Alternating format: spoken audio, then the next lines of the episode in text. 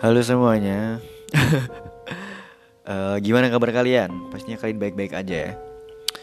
Uh, di beberapa episode terakhir, uh, aku sempat membahas tentang paranormal experience bareng temanku karena dia punya pengalaman yang benar-benar menurut aku sangat menarik untuk dibahas di podcast ini.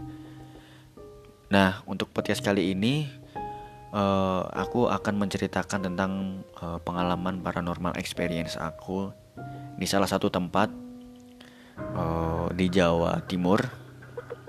Oh ini aku sebut aja ya, itu namanya Gunung Liriran. Itu sebetulnya bukan gunung, lebih ke bukit.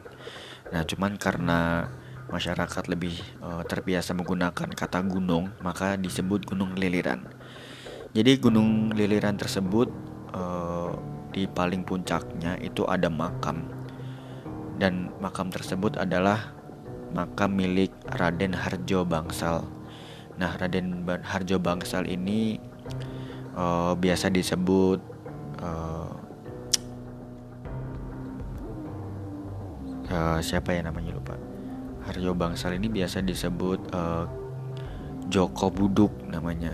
Nah, mungkin Joko Buduk itu karena pada saat uh, masih hidup uh, Harjo Bangsal ini adalah seorang pemuda.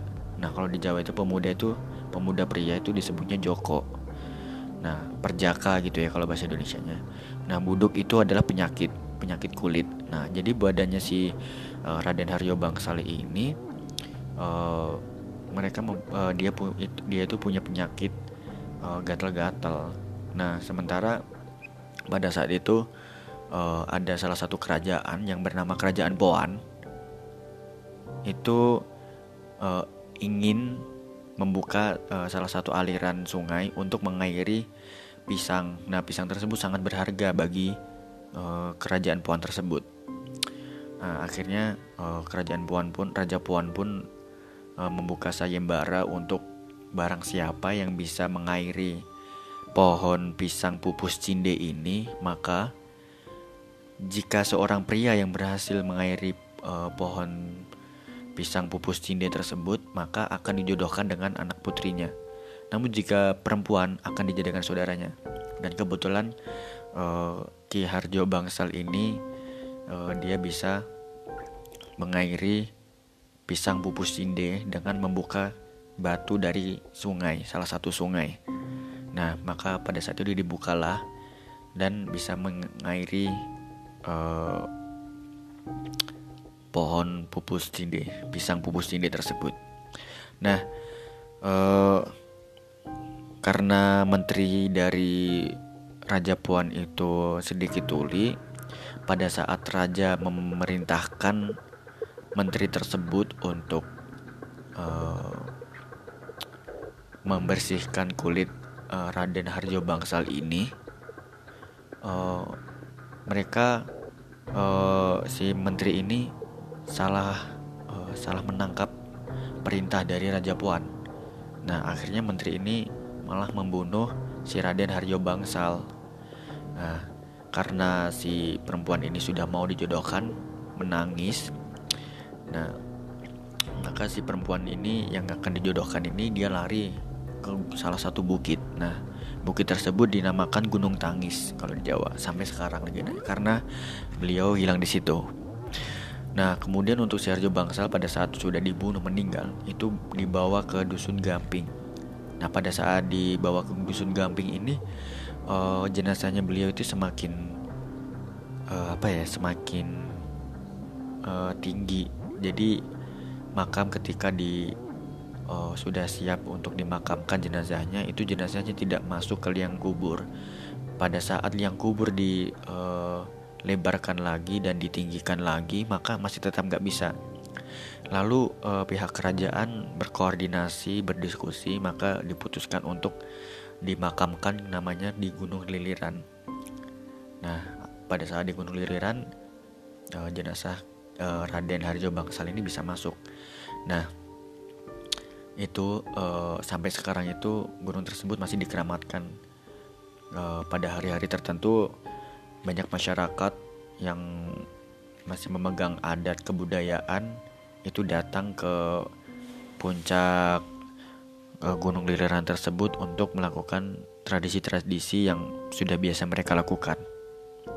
Nah, hal-hal yang pada saat itu aku dan teman-temanku aku alami adalah pada saat itu tahun 2000 uh, 2016 uh, 2017 atau 2016 saya lupa. Uh, itu uh, bertepatan dengan malam satu suro atau tahun baru uh, Islam.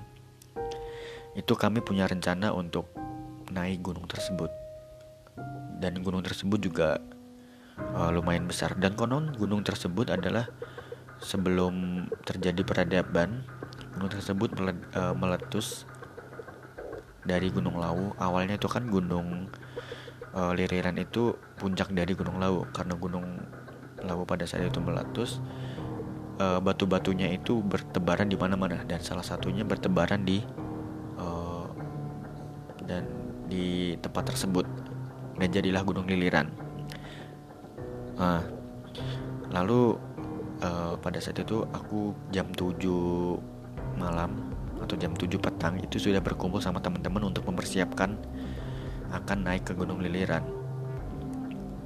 Nah, pada saat uh, sudah mengumpul kami uh, ber berdiskusi akan naik ke Gunung Liliran melalui uh, desa salah satu desa ataukah kita uh, melewati hutan-hutan uh, dan sungai itu kami berdiskusi menghabiskan waktu hingga sampai jam 10 malam.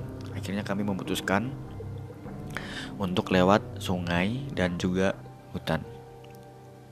Lalu kami berangkat melalui uh, menyeberangi sungai. Setelah melewati desa maka di situ ada desa terakhir perbatasan desa.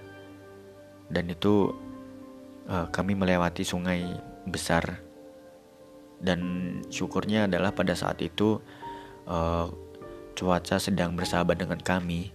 Akhirnya kami melanjutkan perjalanan.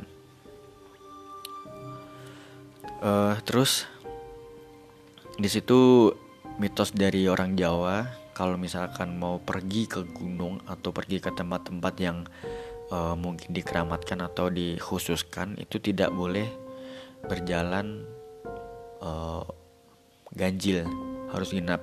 Dan pada saat itu kebetulan sekali kami berjalan tujuh orang atau ganjil.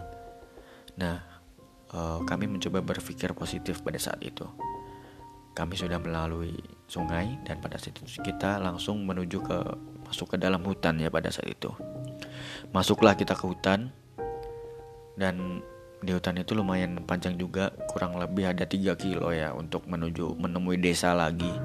Dan di desa itu ada ya pemukiman di situ kami bisa bertemu dengan orang-orang yang mau melanjutkan perjalanan ke puncak Gunung Liliran. Nah, sebelum menyam, uh, sebelum kami sampai di pemukiman warga atau di pedesaan itu, kami melalui hutan-hutan. Uh, di sebelah kanan itu jurang ke bawah, kalau di sebelah kiri kami itu ada tebing yang tinggi gitu. Nah, pada saat itu uh, aku bertiga berjalan di paling bawah, uh, paling belakang. Itu aku paling tengah. Pada saat itu uh, aku adalah orang yang paling takut dengan kegelapan. Karena di situ jalan sudah tidak bisa dilihat. Kami juga membawa penerangan uh, terbatas.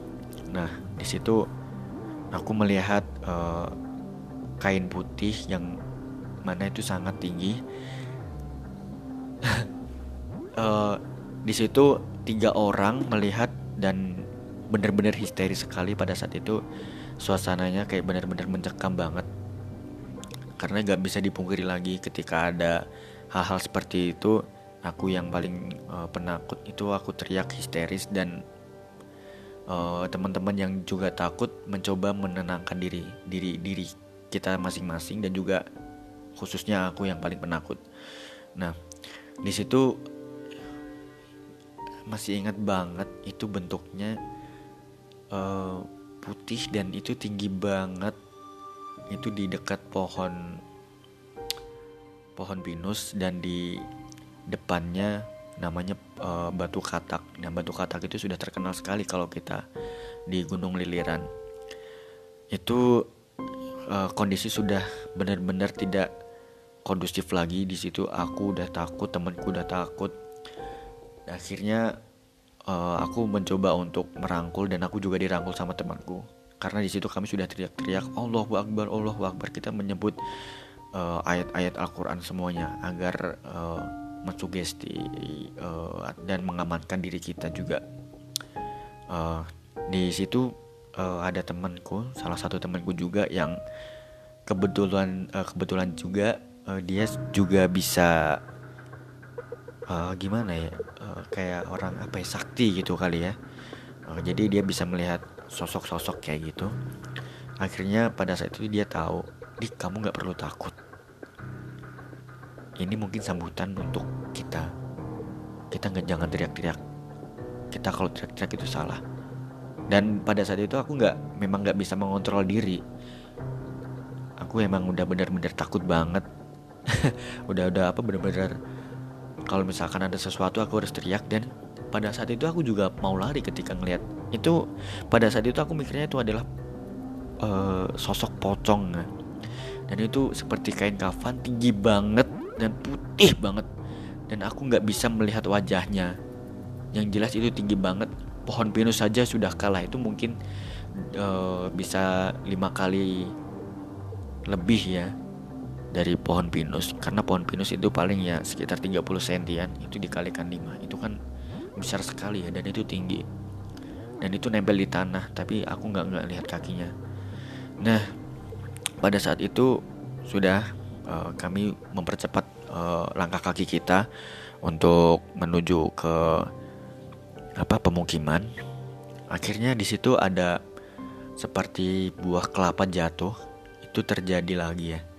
Hal yang gak uh, benar-benar di luar dugaan kita.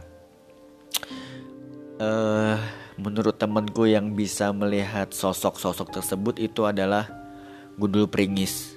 Nah, gundul pringis itu adalah uh, kepala yang mana kepala tersebut uh, matanya lebar dan mulutnya lebar juga uh, seperti mulut yang sobek itu dan itu ketawa ih aku sumpah yang merinding banget cerita gini kalau keinget.